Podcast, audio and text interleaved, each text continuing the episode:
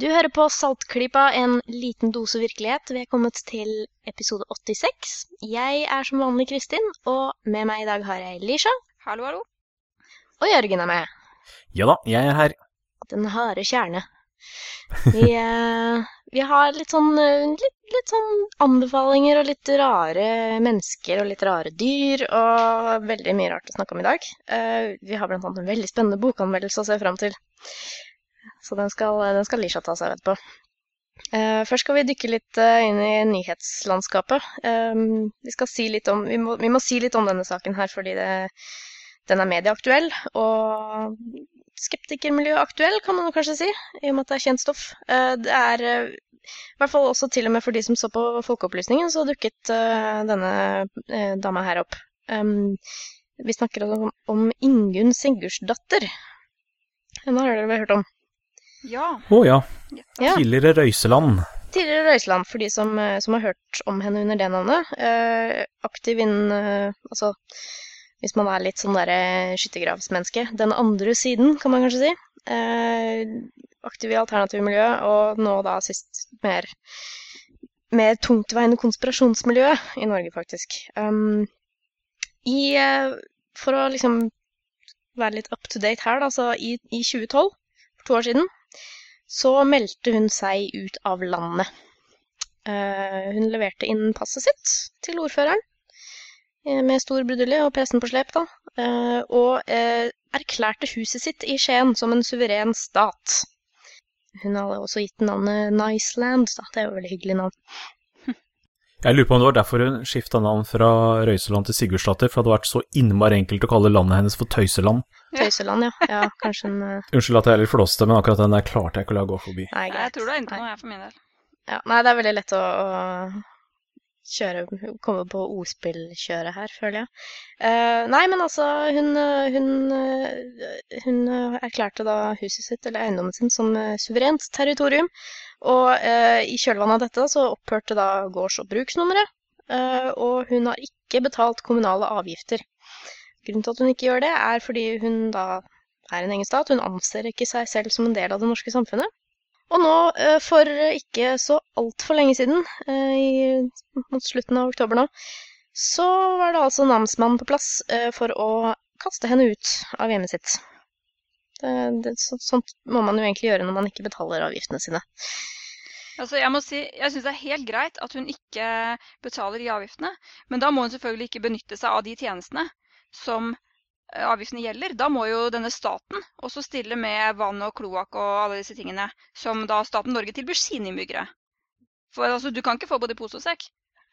Nei, jeg tenker at eh, hun, hun må kanskje Altså, jeg vet ikke i hvor stor grad hun har da gravd brønn og anlagt kloa- eh, kloakksystem osv. osv. Men jeg vet jo det at hun, hun prøvde seg på en, en business hvor hun lagde og solgte vårruller fra hjemmet sitt, blant annet. Ok. Eh, Og der fikk hun, eh, var det ikke Mattilsynet som var veldig interessert i å komme på besøk der. Det syntes hun var veldig rart, fordi at det, det var jo en del av det norske samfunnet, og det var ikke hun. Bortsett fra det er jo selvfølgelig ingen som har anerkjent den der eh, lille staten hennes, da. Ja, ingen og ingen. Hun har jo faktisk ganske Hun har jo faktisk et, et støtteapparat av en eh, anselig størrelse. Hun har ganske mange tilhengere. Eh, Og vi kan lese et lite intervju som vi skal linke til i, em, i Thea, som i kjølvannet av denne her utkastelsen, da, med hennes gode venn, dvs. Si da erkefiende, Jon Færseth, eh, som nevner Ingunn i eh, sin bok 'Konspira Norge', som sikkert flere av lytterne våre har lest. Og han eh, kan fortelle da i dette intervjuet at det er faktisk ikke noe hun har funnet på selv, da. Det er faktisk en Hun er jo en representant for en sånn tankeretning fra, som har sitt utspring i USA, som kalles uh, Freeman on the Land og Sovereign Citizens-bevegelsen. Så det er en sånn eh, høyreorientert tradisjon da, om eh, sånn veldig sterk statlig motstand og antimyndighet, antibankvesen osv. Eh, De har den filosofien da, at all skriftlig lov er kontraktsbasert, og loven gjelder da kun når individet samtykker til å la seg styre av dem. Det er jo veldig besnærende filosofi, da, egentlig. Så det, det gir da de muligheten til å erklære seg uavhengig av eh, altså, statlig Hva heter det? Jurisdiction. Og det som er litt interessant med denne her bevegelsen, da, den, eh, den springer frem fra veldig rare tolkninger av, eh, av altså, kommersiell eh, business og virkelighet som at den er styrt under maritim lovgivning. Um, og det tragiske med det er at det faktisk baserer seg nesten utelukkende på feiltolkninger av ord, som høres litt maritime ut. I hvert fall veldig mye av det. Sånn som eksempel når man sier ownership og citizenship, så høres det at ah, dette er jo shipping-terminologi, ikke sant? Seriøst? Faktisk helt seriøst. Og ikke Åh, bare det, det, har, Det er det er et eller annet Jeg kan ikke detaljene her, men det er et eller annet med paven også som er gærent her. Fordi, Ah, get ready, han kalles jo som kjent The Holy Sea. Å ja. Ja, Men som det staves jo ikke slik Si, si men, Ja, men altså, bokstaver, det det er sånn er statlig oppfinnelse, vet du. Bokstaver det er en statlig konspirasjon for å undertrykke individet. Så Ja. staving det er bare noe myndighetene lurer oss til å tro at vi trenger å kunne. Ja. Ja. Nei, det, altså, det er liksom bare en, en, en interessant greie at den Altså at denne bevegelsen har tittet frem i Norge, da. Selv om selvfølgelig i, eh, i eh, Ingunn uh, Sigurdsdatter sin eh, omgangskrets så handler det om litt mer hyggelige New Age-inspirerte lys- og Ja, jeg kjærlighetsomstendigheter. syns jeg må skyte inn her at den amerikanske versjonen som det kommer fra, der er det også veldig mye av at man har rett til å forsvare sitt eh, land med våpen. Ja. En ganske våpenfiksert gruppe. Det har vi heldigvis ikke sett spor av i uh, Ingunn sin versjon. Og det har også ført til at FBI har eh, Freeman and the Land-bevegelsen på listen over eh, terrororganisasjoner, faktisk. Ja, men der har det jo, i USA så har det jo vært voldelige handlinger og til og med drap som har kommet i kjølvannet av dette her. Så der er det jo, er det jo faktisk en eh, terrorbevegelse. Ja, det er mye mer grobunn for, for sånne ekstreme uavhengighet og frihet, altså individuell frihetstankeganger der borte, i og med at Ja. altså, det er litt mer tukta på sånne type ideer da, der borte. Så det, det er lettere for det å slå rot, da, kan man si. Litt mindre lett, litt, mindre, litt mer uglesett her i landet, kanskje. Ja, man må spørre seg, Jeg skulle gjerne likt å se et tall på hvor mange For de sier jo de vil leve bare med å følge ikke sant, Så lenge du, du skal styre deg selv, så lenge du ikke skader andre. Egentlig, Det er jo kardemommeloven nærmest. da. Ja, det er jo Eh, veldig hyggelig, det. Og det skal ikke være noen lover, og staten skal ikke ha noe krav på individet overhodet, så lenge du da ikke skader andre. Jeg lurer på hvor mange av disse Freemen on the Land som har flyttet til Somalia opp igjennom.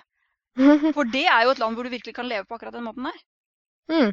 Men Ja, er det kanskje ikke fullt så greit å flytte til et land hvor det ikke er noe fungerende stat, politimyndighet eller lovverk? Jeg vet ikke. Kanskje det allikevel ikke var så kult når du måtte sette det ut i praksis? Ja, man kan også sette et litt sånn eh, Altså i det norske perspektivet som vi har nå, da, med de som befinner seg her i landet, så kan man jo lett tenke seg sånn at ja, dette er veldig marginalt, og greit, liksom, la dem holde på. Um, nå har det seg jo sånn at uh, Ingunn Sigurdsdatter har, som sagt, stor fanskare, og hun uh, inspirerer veldig mange folk. Hun holder foredrag, reiser rundt i landet og eh, hevder at bankene er kriminelle, og hun oppfordrer rett og slett folk til å ikke betale altså gjeld og sånne ting, da.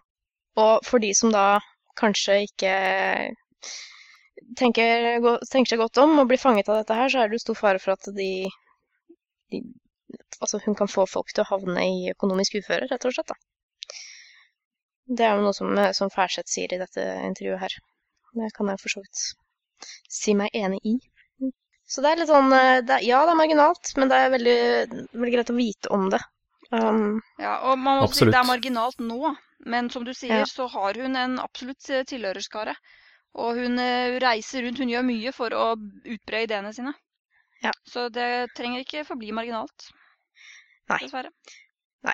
Det er da altså selvfølgelig skepsis og heff og ingen liker å bli lurt som er den store, store, styrende, mektige fienden her også, det må vi tenke på. Så dere må for all del ikke høre på oss. Nei, Nei, fy, ikke gjør det. det- Sånn er det. Ja. Nei, eh, det var, det var en liten sånn eh, hva, hva skjer i landet for den tiden. Eh, det som er også interessant å vite om Røiseland, eller Sigurdsdatter som hun kaller seg, det er at hun har faktisk vært elev på Märthas engleskole. Ja. Faktisk. Der har hun lært lært mye rart. Hva kan man lære der og, og sånn? Fordi det, det, Märtha har jo også vært en god del eh, En god del Altfor mye i nyhetene i det siste, syns nå jeg, da. Ja, Fordi eh, hun har kommet ut med en ny bok. det har hun. Ja. Og den har jeg eh, faktisk eh, ofret meg for gode sak her og lest. Har du det? Ja, jeg har lest den. Men jeg vet jo så lite, jeg føler så lite med på dette her, at jeg trodde det var, eh, som du sier, en ny bok. Men det er egentlig ikke det. Innholdet er ikke nytt. Innholdet er en samling av eh, ja, hva man skal kalle det, innlegg, petiter, som de har skrevet for VG, da. I en periode. Ja.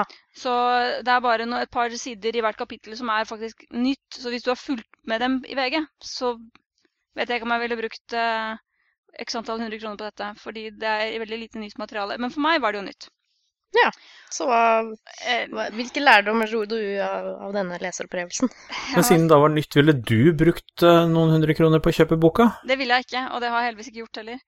Um, Du har fått tak i den eh, på tvilsom vis? Er det det du prøver å si? Jeg vil ikke kalle det tvilsomt. Jeg fikk den av forlaget fordi jeg skulle snakke om den på Saltklypa, og det gjør jeg jo nå. Så da føler jeg at jeg har levd opp til min eh, end of the bargain. Og jeg skal slippe denne fri som en bookcrossing-bok, så kanskje den finner en ny leser som vil sette mer pris på den enn meg.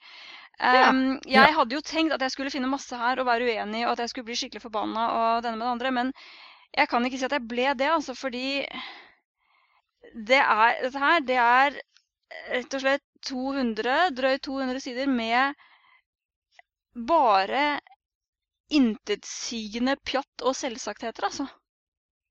Yes. Det er, det er ingenting. Jeg kan lese litt tilfeldig valgt her fra en random side jeg har satt opp på. Forsøk å lytte til din egen stemme. Forsøk å lytte til deg selv. Vi vet at det av og til kan være veldig skummelt. Vi vet at det av og til kan ende med at du tar avgjørelser som er krevende, og som skiller seg fra det folk forventer av deg. Men vi vet også at du blir sterk, veldig sterk, av å være tro mot deg selv. Mye sterkere enn du tror. For eksempel. Og dette er liksom hele Ja. boka. Det er sånn eh, Pust rolig, ta et skritt tilbake, finn balansen og gi deg selv litt armslag. Vær til stede i noe, møt det livet ditt byr på der og da. Det minner meg litt om ehm, rett og slett en, en, en veldig uh, litt sånn småoverfladisk form for uh, sånn meditasjonsteknikk. At man rett og slett bare tømmer hodet. Ja, mindfulness eh, er noe de nevner. Sånn at det, det, det kunne kanskje hjelpe som Altså høytlesning fra denne boka kunne kanskje faktisk hjelpe som litt sånn Ja, litt sånn mindfulness. At, at eh, man sier ord som egentlig ikke betyr noen ting, og da, da, da på en måte tømmer man hodet for tanker. Uh, ja, er litt i nået, da, som det heter. Ja, det er det jo Mange, veldig mange, opptatt mange, mange setninger etter hverandre som på en måte gir deg vel en litt ny, ny info, rett og slett. Ja, eh, Mm. det er jo mye sånt som er vanskelig å være uenig i, for det er jo selvfølgelig liksom vær grei mot deg selv og vær grei mot andre. Ja, ja, jeg kan ikke, jeg kan ikke si noe imot det, men eh, som leseopplevelse betraktet, så var den egentlig veldig kjedelig, fordi det var bare Det var selvsagtheter og pjatt. Um, og ting som uh, jeg vil si de fleste har allerede tenkt uh, dusinvis av ganger. Uh, og veldig lite å være uenig i, bortsett fra Det er selvfølgelig dette her Du må stole på det som er sant for deg, og bla, bla. ikke sant? Det klassiske. Og så var det én ting som jeg tror er et veldig uheldig budskap. Men det er pakket inn veldig. De sier det jo ikke rett ut. Eh, de sier det sånn at eh, mennesker som tappet meg, forsvant mer og mer ut av livet mitt. Og sånne ting. ikke sant? At du må være Mhm. sammen med personer som reflekterer din personlige vekst, eller whatever. Men det som er det, den delen av budskapet, slik jeg leser det, er at folk som er uenige med deg, skal du ikke være sammen med. Nei, det er, veldig, det er en veldig vanlig tankegang det er i, i sånne, sånne type I de miljøene så er det veldig vanlig. Ja, ja det, er, det handler om å støte fra deg negative personer, da. Ja. At du liksom ikke har dem i livet ditt i det hele tatt. Du bryr deg ikke om dem. Nei. Og det er på en Mm. måte Ja, hvis det er folk som hele tiden eh, trekker deg ned og sant, alt du mener er, Mhm. du, så, Det er vanskelig å være uenig med det også, men det som er faremomentet, er jo at det blir slik at sant, La oss si en eh, kreftsyk kvinne har funnet en eller annen healer som er hennes siste håp, og sønnen hennes sier men mor, han kan ikke redde deg, ikke sant? Du må gå til legene, det er moderne medisin, er svaret. Og hun vil da ikke ha denne negative personen i livet sitt, ikke sant? Vil ikke høre på hans eh, negativitet, som vil eh, slippe sykdommen inn. Og dette her, sånne ting da, som kan skje at du faktisk Det er veldig viktig å ha folk rundt deg som er det jeg tror disse menneskene ville tolke som negative. Det er veldig viktig å snakke med folk Ja. som er uenige, som mener noe annet enn deg. Altså, det er jo det er forskjell på å på en måte møte konstruktiv kritikk og liksom bare føle seg litt sånn støtt og ubehagelig. Ja, men her, det- for denne typen ja. mennesker, eh, disse alternative mennesker, altså, er det typisk veldig vanskelig for dem å skille De klarer ikke å skille følelser fra fornuft. Og alt som får Nei. dem til å føle negativt, altså føle, som du sier, så bli støtt, da, eller bli lei seg eller bli såret, det er noe som bare eh, det, det må du ikke tillate, ikke du må ikke slippe det inn i livet ditt. Mm. Eh, men det kan faktisk være konstruktiv kritikk. Det kan være veldig viktig innspill. For hvordan skal du kunne finne ut at du tar feil, hvis du aldri får høre fra noen som sier noe annet enn det du allerede mener? Det er Ja, kjempefarlig, rett og slett. um, Det er behagelig, og det er trygt, eh, og det kan være veldig skadelig. Altså, det er derfor de som, altså, vi som ofte kaller oss skeptikere, da, er veldig opptatt av å på en måte tenke etter hele tiden at eh, OK, jeg er villig til å bli motsagt her. Jeg er villig til å møte en sånn uenighet som kanskje gjør at jeg skifter mening, fordi at eh, plutselig så skjønner jeg det at jeg har ikke noe jeg har ikke noen gode argumenter, ikke sant. Det, det finnes ikke noe bevis. Og da må man på en måte være klar for å Ja, for å snu, da.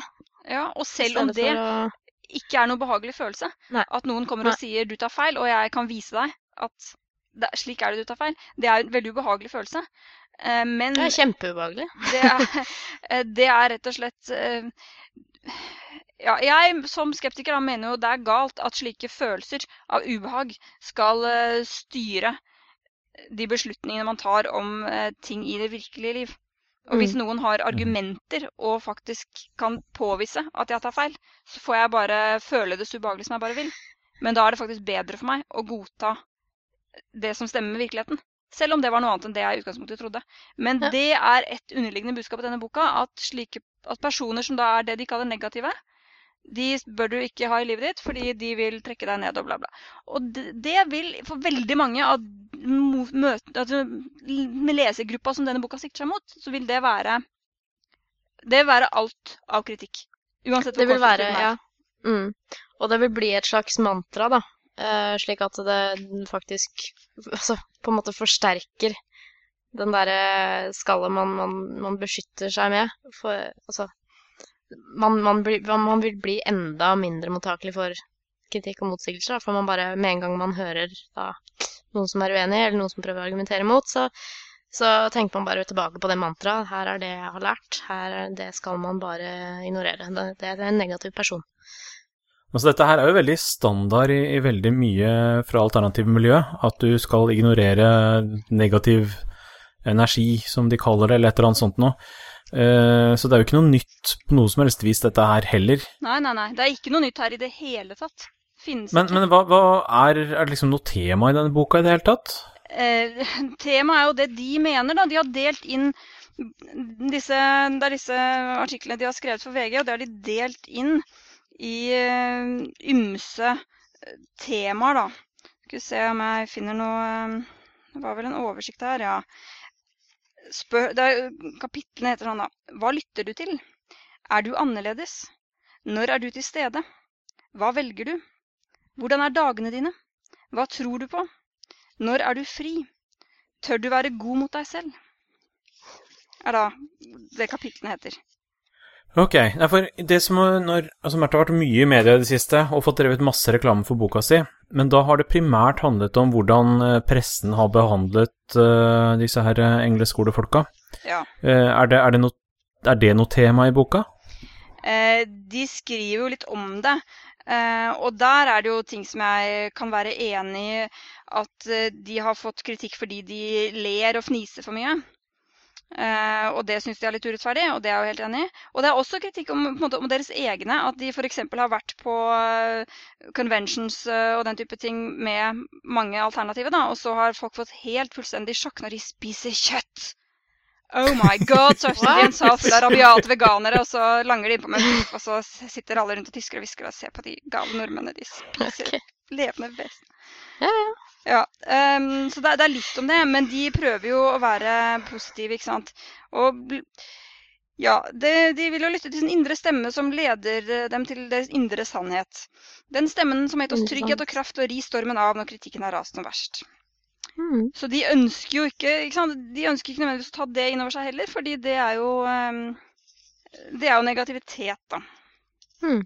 Så de, Er det som, er det noen som har spurt en av, eh, en av eh, altså enten Märtha eller kollegaene hennes om eh, hva som hadde Altså hvis, hvis de tar for eksempel for seg engler, da, eller det å kunne kommunisere med whatever, døde hester, et eller annet.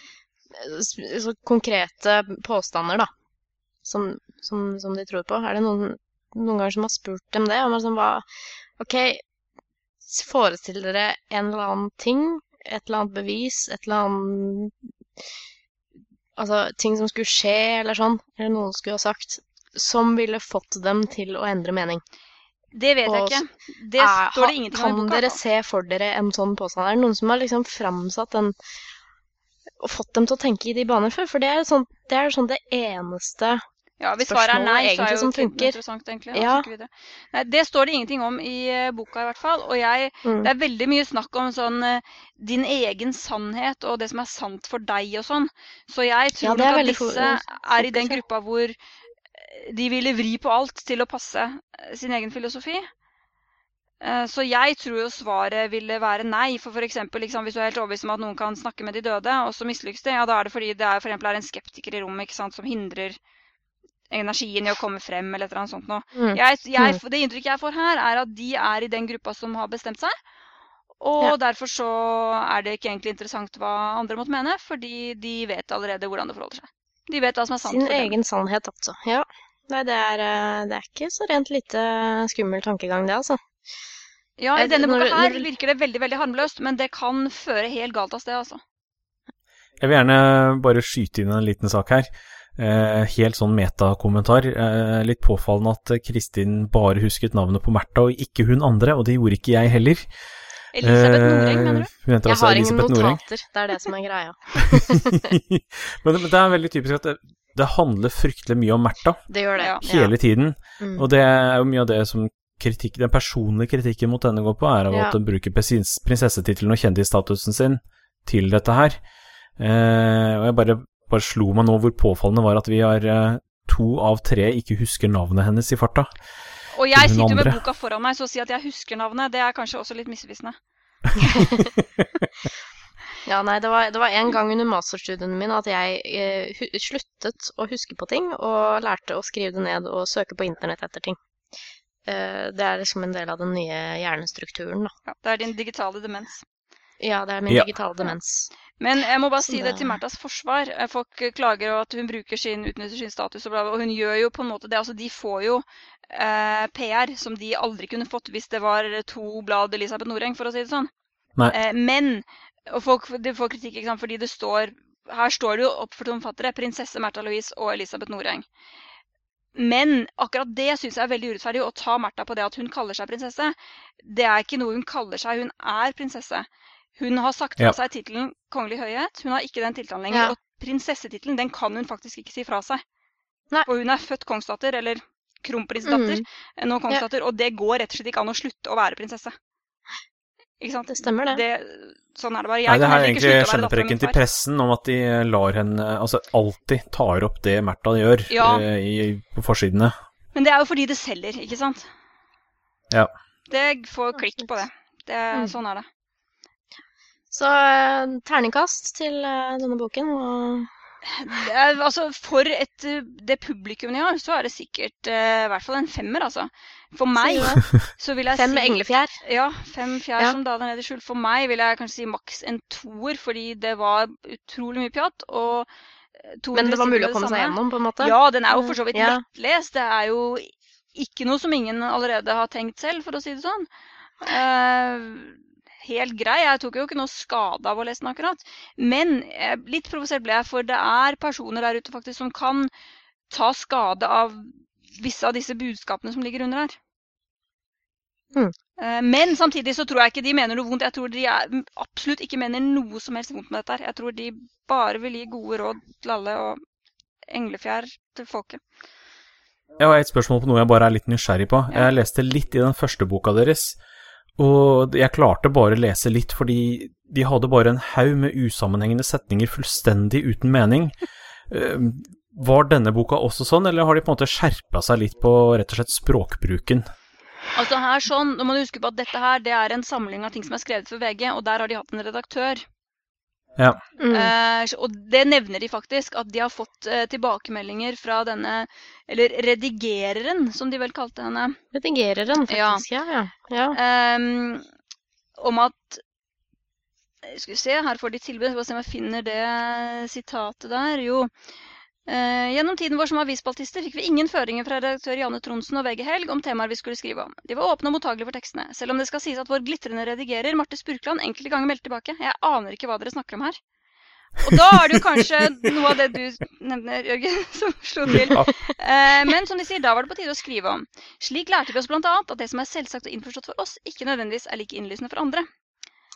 Et, Nei. kan, kan det kalles et lite skritt på veien til å, til å anerkjenne andres sannhet, for en gangs skyld? Eh, Kanskje de har, i hvert fall mener de har lært uh, av den prosessen. Da. Og Ja. jeg syns ikke det er noe vanskelig å forstå hva de mener og sånn. Det er bare det at det er, det er så selvsagt, stort sett, alt det de mener. Mm. At det for meg ble veldig kjedelig.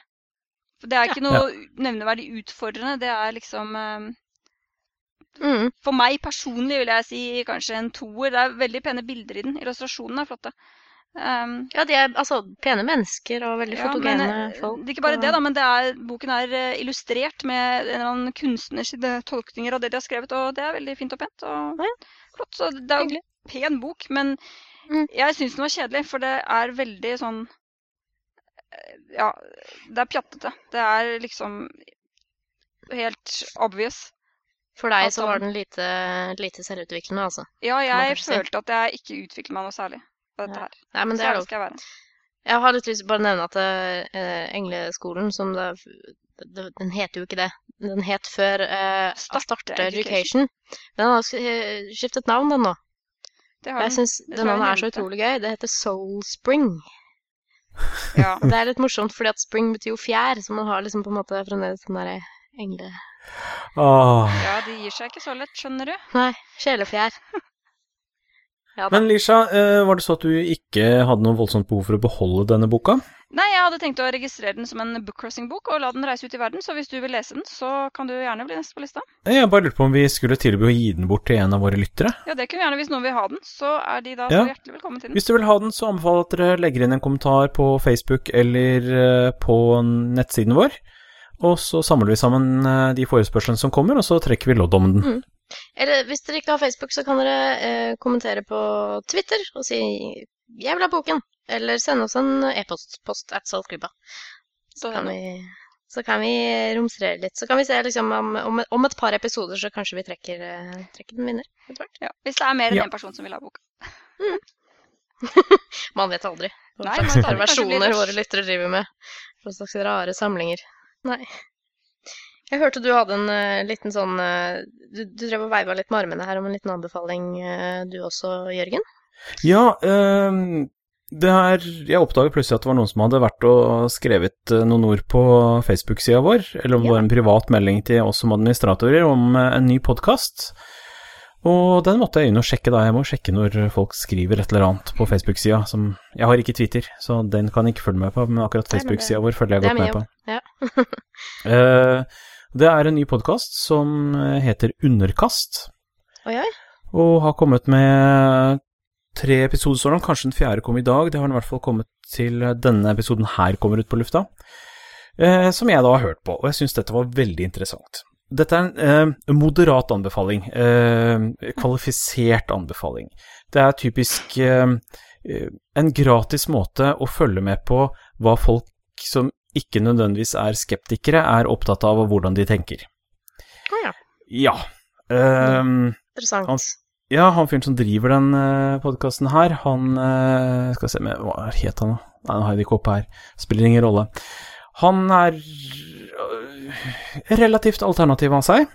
Ikke fullstendig, ikke fullstendig ut på jordet, eh, men har åpenbart en eh, bakgrunn fra en ganske alternativ verden, og har liksom en sånn stammespråk som går veldig mye på eh, sjel og spiritualitet og sånn i alle bører kanter. Og podkasten går ut på å intervjue folk som har noe spennende å si, og det har vært om meditasjon og litt ymse. Og det er liksom, det er bare en sånn herlig, salig blanding av mye rart konspirasjonsteorier.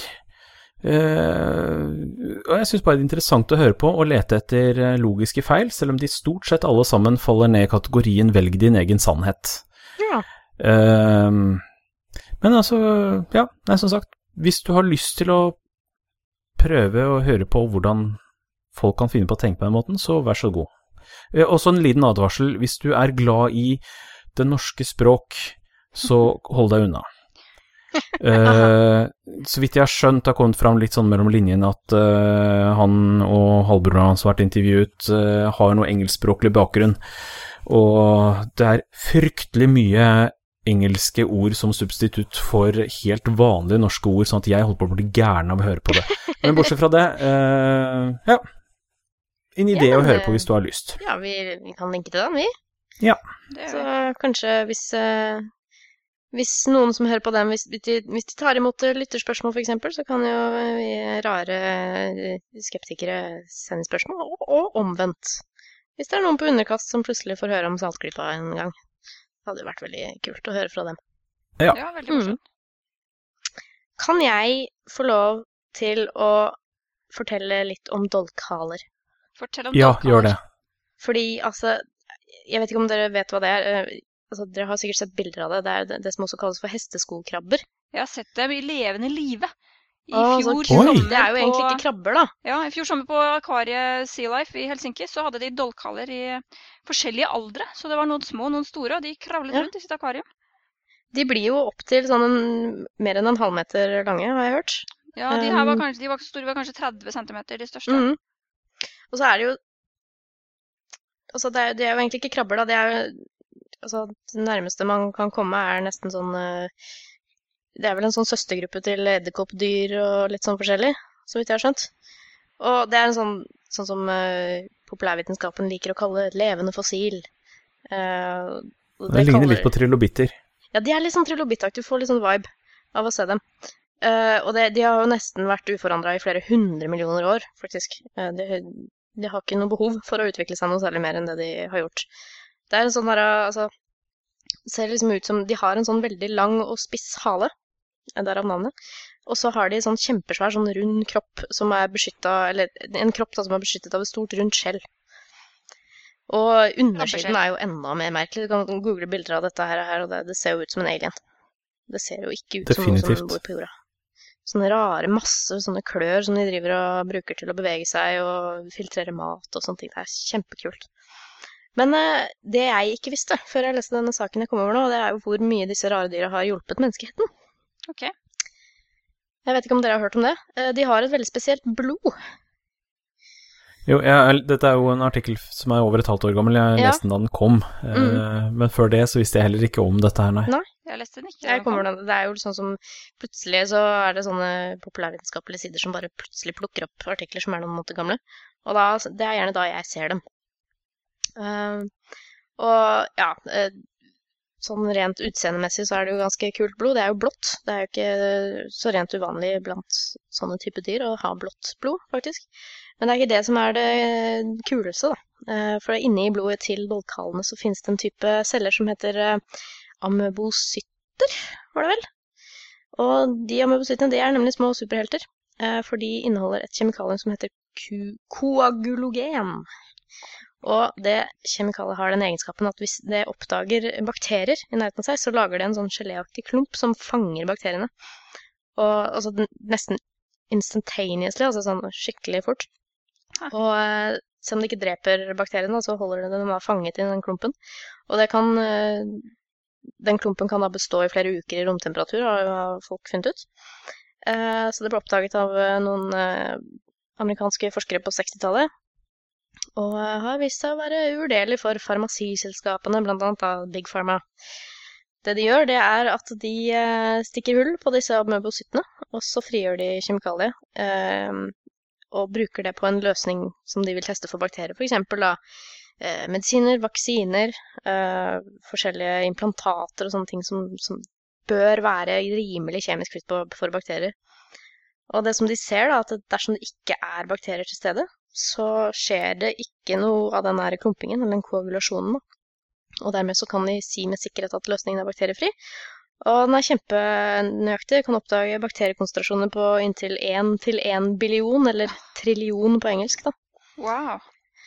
Eh, så det er en sånn test eh, som blant annet eh, den, den heter LAL-testen. LAL står for Limulus amoebocyte lysate test. Eh, Limulus er det latinske navnet på dolkhaler. Eh, og det, det de gjør, altså det, de årelater rett og slett dolkhalene i hopetall. Det er skikkelig big. Det høres jo faktisk litt fælt ut. Eh, Så hvert år så årelates en halv million dyr levende. Men de de dreper dem ikke, de bare tar blodet. Ja, de tapper blod. Altså, de tapper Hva er det? 30% eller sånn av blodet deres.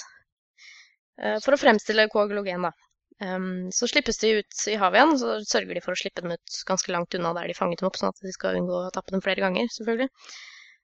Påstår de, i hvert fall. um, så sier de da at det er jo ikke så mange av de dør, dyrene som dør, og så har de estimert at det, det dør ca. 10-30% Jeg syns det høres litt mye ut, egentlig, men de påstår at det er greit, da. 30% ville Um, vært for mye hvis det Ja, ikke er det som stemmer. Det er jo Ja.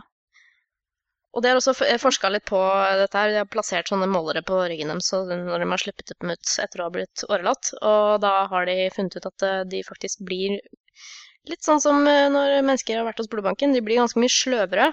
eh, og det har ganske mye å si for bevegelsen deres eh, i livsløpet. Da. De, de følger ikke på en måte så effektivt tidevannet og sånn som de skal, sånn at det, kan hindre eh, formeringen deres, faktisk. Mm. Eh, Så man kan jo lure på altså, Kan man ikke da syntetisere dette her kjemikaliet snart, altså man slipper å gjøre dette her? Eh, og det har faktisk gått ganske lenge uten å gjøre dette, men nå, nå viser det seg at det, de er i ferd med å kunne lage eh, dette kjemikaliet på en Altså fremstille det på en kunstig måte, da. Uhu. Ja, så bra. Så, men inntil det skjer, så er jo dette her sykt verdifullt eh, blod, da. Ja. Eh, Det er noen som sier at det er 15 000 dollar per liter. Eller halvliter, eller hva det er. Så det er ganske dyre dråper. Ja. Og eh, i hvert fall i USA. Jeg, jeg vet, aner ikke hvor mye den testen brukes på norske medisinske medikamenter. Jeg prøvde å finne det ut, så det var veldig vanskelig. Eh, men i hvert fall eh, i USA, da. hvert medikament som er sertifisert av FDA, altså Food and Drug Administration, den må bli testet via denne testen, faktisk. Eh, det, og I tillegg så kommer da ting som skal implanteres i kroppen, pacemakere, eh, vaksiner, proteser osv. Så, videre. så det er jo spennende å vite om altså, hvor stor den testen er utbredt i ting som brukes i Norge. Det vet jeg ikke. Hvis det er noen som vet det, si fra. Ja, det har vært interessant å høre. Mm. Nei, eh, så det er dette rare blå blodet. Da. Det, er sånn veldig sånn rar, sånn lyseblå farge. Og det Ja, er altså, jeg anbefaler alle å gå inn og se den artikkelen og det øverste bildet. Jeg syns det er kjempefascinerende. ja. Her har vi altså et dyr som er sånn skikkelig alien-aktig. Og det får sånn vibber til eh, litt sånn uh, skrekk-science fiction her, hvor du har disse monstrene stroppet fast på rekke og rad bortover en stålbenk og med gråblått blod hengende ut av glassflasker under. Det er litt sånn marerittaktig, men samtidig dritfascinerende. Ja. Dystopisk fascinerende er det. Ja. For, for dem, eh, i hvert fall. Så jeg kan jo nevne da at det, det, er, det er altså som sagt ikke bare rødt blod her i, i dyreriket. Mennesket har rødt blod, som sagt. Som kjent. Eh, og det skyldes jo da eh, hemoglobin. Eh, som er et av disse her respirasjonspigmentene, da, eller blodfargestoffet, som brukes for å transportere oksygen rundt i kroppen. Eh, I disse dyra, eh, sammen med diverse edderkoppdyr og krepsedyr og sånn, eh, så er det ikke jernatomer, men kobberatomer som, som binder oksygenet. Og, Aha. så det sammen med at, med at disse her respirasjonspigmentene er litt annerledes i oppbyggingen, gjør at det lyset brytes sånn at det blir blått i stedet. Kult. I tillegg så er det da at når, når det er tømt for oksygen, altså hos mennesker så blir blodet litt mørkere rødt når det er eh, deoksygenert. Mens hos disse dyra så blir det faktisk helt fargeløst. Hm. Og det heter da ikke hemoglobin, det heter hemocyanin. Så er det noen typer mark og igler som har grønt blod. Det er da noe som er litt mer beslekta med hemoglobin igjen. Det er bare litt annerledes oppbygd. Så er det noen typer mark som lever i havet, annet marken som har det kledelige navnet penismark. I hvert fall på engelsk, da. Penis worm. Det navnet har den ikke fordi den eh, angriper peniser, men fordi den rett og slett bare ligner skikkelig på en tiss. Eh, De har eh, lilla-rosa blod, faktisk. Så det er mye sånn Det er sånn veldig kult typisk eksempel på evolusjons forskjellige mekanismer for å takle samme problem, nemlig å, hvordan man skal transportere oksygen rundt i blodet. Det er veldig kult. Så idé til halloween. Hvis det er noen som har en litt forsinka halloweenfest der ute. Eh, det er lov å tenke litt, eh, litt ut av boksen der, når man skal kjøpe fake blod. Mm. Så, det står litt andre interessante ting i denne artikkelen her. Det er jo et bilde lenger ned med gedigne hauger av disse dyra i eh, et svart-hvitt-bilde. Ja. De har jo vært brukt før, da. I, før man oppdaget dette her med at det angriper opp, eh, bakterier. Eh, bl- bl- blitt brukt til gjødning til jorder, så jeg har samla opp i gedigne hauger og kverna dem opp og brukt som gjødsel, rett og slett.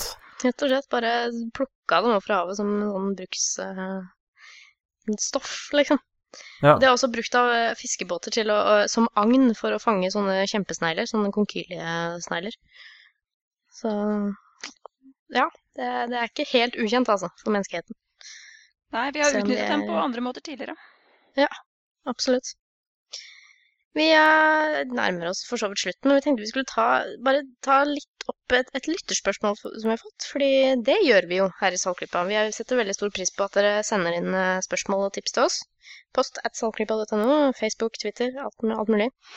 Og eh, vår eh, eminente kollega Bendik eh, sendte oss eh, et tips om et spørsmål han fikk på e-posten vår. Eh, og det er et enkelt spørsmål eh, som lyder følgende. Det skal vi prøve å, å tenke litt, litt over et par minutter nå. Hva synes Saltklypa om TV-kanalen Visjon Norge? Hva, hva, hva er det vi snakker om her? Det er en TV-kanal som heter Visjon Norge. Jeg, jeg mener å ha sett på den et par ganger. Den er litt sånn uh, Den er litt sånn vedheng til uh, Kanal Digital-pakka. Uh, og det er jo en eh, 24-timers eh, kristen eh, misjoneringskanal, kan vi ikke kal- kalle det det? Jo, det er den første skandinaviske kristne TV-kanalen som sender døgnkontinuerlig. Skryter de av. Ikke mindre. Ja. Så er spørsmålet da hva vi, hva vi syns om den, da. Jeg kan ikke akkurat påstå at jeg ser på den. Eh, jeg har ikke gjort det på mange år, så noe sånn veldig inngående analyse av kanalen har jeg ikke akkurat. For et sjokk. Nei, men uh, man, kan jo, man kan jo gå inn på, på nettsiden deres og lese om oss-siden. Og det er jo uh, ingenting uh, som, som holdes skjult der. Det sies jo rett ut. Når du slår på TV Visjon Norge, står det, er det én ting du får. Evangeliet om Jesus til frelse og helbredelse 24 timer i døgnet på mange forskjellige måter. Jesus Kristus i ord og handling. Så Jeg syns neste avsnitt er mer talende. ja. I det å forkynne evangeliet er det viktig å stå kompromissløst for Israel og Guds eget folk jødene og et reformert Skandinavia. Et Skandinavia hvor Guds ord igjen settes sentralt ikke bare i kirker og bedehus, men også i næringsliv, politikk og kultur. Dette er essensen i hva vi står for på TV Visjon Norge. Det er veldig Det er jo, det er jo at, eh, kristen propaganda, og, og også en retning innen kristendommen som er sånn, hvor veldig mye handler om eh, å støtte Israel i alt og ett. Ja, eller egentlig da å støtte det at eh, eh, endetiden skal finne sted. Ja, jeg skulle til å si det. Det handler ikke, det er Ja. jo ikke støtte for Israel, fordi Nei, de venter jo bare bare på at Gud skal, komme tilbake, skal sende Jesus tilbake, og verden skal gå under i blod og ild, og da skal det skje i Ja. Israel. Ja. Så det er jo på en måte ikke Det er ikke fordi de Så liker jødene så blir jo brukt som, som, som veldig hendige spillbrikker. Jo, altså, bare, hvis du bare ser eh, hva de skriver her, altså det er viktig å stå kompromissløst for Israel og Guds eget folk jødene. Det er det det står rett ut. Det står ikke noe om endetiden akkurat her. Og ut fra hva jeg mener har fått med meg fra den kanten tidligere, så er det veldig mye om å støtte Israels politikk. Ja. Det er Mm. veldig mye det det går ut på. Og noe som er litt interessant der, da, det er jo at disse her folka er jo åpenbart superduper megakristne. Det skjønner man jo når man bare selger på den nettsiden. Eh, og slike folk, de er ofte, selv om de underslår litt det her med endetiden og sånn, for det er ikke akkurat så sjarmerende, så er det ofte, som du sier, Jørgen, det er veldig støtte Israel-politikk, støtte jødene, støtte Rødt Rødt. Og det er liksom overfladisk så er det jo fordi det er synd på dem, da. ikke sant? De har blitt forfulgt i den grad at de kunne ikke leve blant oss lenger, de måtte ha sitt eget land. Og så nevner man ikke at hovedgrunnen til at de ble forfulgt, det er jo de kristne. Det var de som forfulgte dem. Altså, hvor kommer antisemittismen fra i Europa? Den kommer fra Roma. Altså, nå snakker jeg ikke om den vi importerer med muslimene, men den, som, den antisemittismen som hører til i Europa, den kommer fra Roma, fra Vatikanet. Og så kom Martin Luther og reformerte, og de her er vel lutheranere, antar jeg. Og han var jo en jødehater av rang. Ja, Så- det stemmer det. Det er jo, han var rykter om det. virkelig jødehater. Skikkelig òg. Eh, så det at jødene har slitt noe jævlig i Europa, det er jo fordi de kristne har forfulgt dem så til de grader. Eh, og nå skal plutselig de kristne da støtte dem så veldig. Hadde jeg vært israelsk jøde, så ville jeg tenkt at ærlig talt Jeg hadde ikke tatt det som et kompliment, da. Nei, jeg hadde jeg tenkt at dette skal jeg prøve å klare meg uten. Men uh, det er klart, uh, altså, de, dette er jo ikke en kanal som mottar statsstøtte eller noe som helst. Eh, De, de, de skor seg jo på på en måte frivillig arbeid. De mottar pengegaver fra privatpersoner. Og litt, uh, sikkert litt småsponsorer rundt omkring. Så jeg tenker sånn, i utgangspunktet så har de jo lov til dette her, og de må jo få lov til å til å lage TV. Spørsmålet er liksom, skal dette være da en del av kanalpakker, tenker jeg. Nå vil jo jeg helst ikke ha sportskanaler heller den kanalpakka mi, ja da, men det, er- det er jo på en måte meg, da. Eh, Men hva, hva tenker vi om det? At det er en del av eh, At, at rett og slett så kristen misjonering, én type religion, misjonering, er en del av eh, ja, Kanal Digital, for eksempel, da. Ja, altså, jeg syns det må være helt greit. De har klart å samle sammen disse pengene på egen hånd og få sendetid. Det er jo noe de betaler i dyre dommer for å få til. Og det må de jo få til. Og tenker som så at hvis vi hadde klart å lage en eh, skeptisk TV-kanal som kjørte eh, 24 timer i døgnet osv., så, videre, så hadde det for all del det vært dritkult, eh, men det hadde vært samme type propaganda på et vis. Og, så at de får til det, ja vel, det Jeg syns jo det er litt irriterende, men eh, de må jo få lov til det. Ja, Det er veldig lett å, å liksom få det inntrykket når det, når det, så fort det går over i TV, på en måte. Så er det både lett å få det inntrykket og, og liksom få litt hang til det selv, da. Så jeg, jeg tenker jo det at eh, Men nå må vi huske på at uh, vi hadde jo ikke fått en egen TV-kanal, vi skeptikerne. fordi at uh, altså selvfølgelig så har uh, Skepsis, den mektige organisasjonen Skepsis, har mer enn nok penger til å sende TV for oss 24 timer i døgnet. Ja, i alle Men kanaler. Pluss at vi Hadde de allerede gjort det, eier så medier. hadde de jo avslørt seg som en mektig organisasjon. Ja. Og Ja. det kan de ikke gjøre. Du har rett. Men jeg må bare si en ting her, eh, avslutningsvis med denne saken. Eh, jeg er enig med Jørgen at eh, som et prinsipp så er jeg Altså, jeg, jeg kan ikke være imot dette. De gjør dette på eget initiativ, de betaler for det selv, da får de kjøre på. Men Mm. når vi leser dette som Jørgen siterte, at det viktige er å stå kompromissløst for et Skandinavia hvor Guds ord igjen settes sentralt, ikke bare i kirker og bedehus, men også i næringsliv, politikk og kultur. Altså, de vil ha et teokrati, rett og slett. Ja, det er, Det er det, de, det er det drømmen deres er sånn de ser for seg. Norge, Sverige Ja. og Danmark. Eh, realiteten er at det norske, det danske og det svenske folk vil ikke ha et slikt samfunn. Overveldende majoriteten av befolkningen i disse tre landene ønsker ikke å leve i et teokratisk samfunn. Og mitt spørsmål er hvis disse menneskene fikk mulighet til å sette sitt drømmesamfunn ut i livet med den kunnskapen at den overveldende majoriteten ikke ønsker det, ville de da sagt nei, ok, folk vil ikke dette, så vi skal ikke tvinge det på dem? Eller ville de Det kjørt det ned i halsen på oss? Ja, jeg er stygt redd for at eh, det ville blitt det siste. Og derfor så er jeg for så vidt følelsesmessig imot det, selv om jeg logisk og prinsipielt må være for det.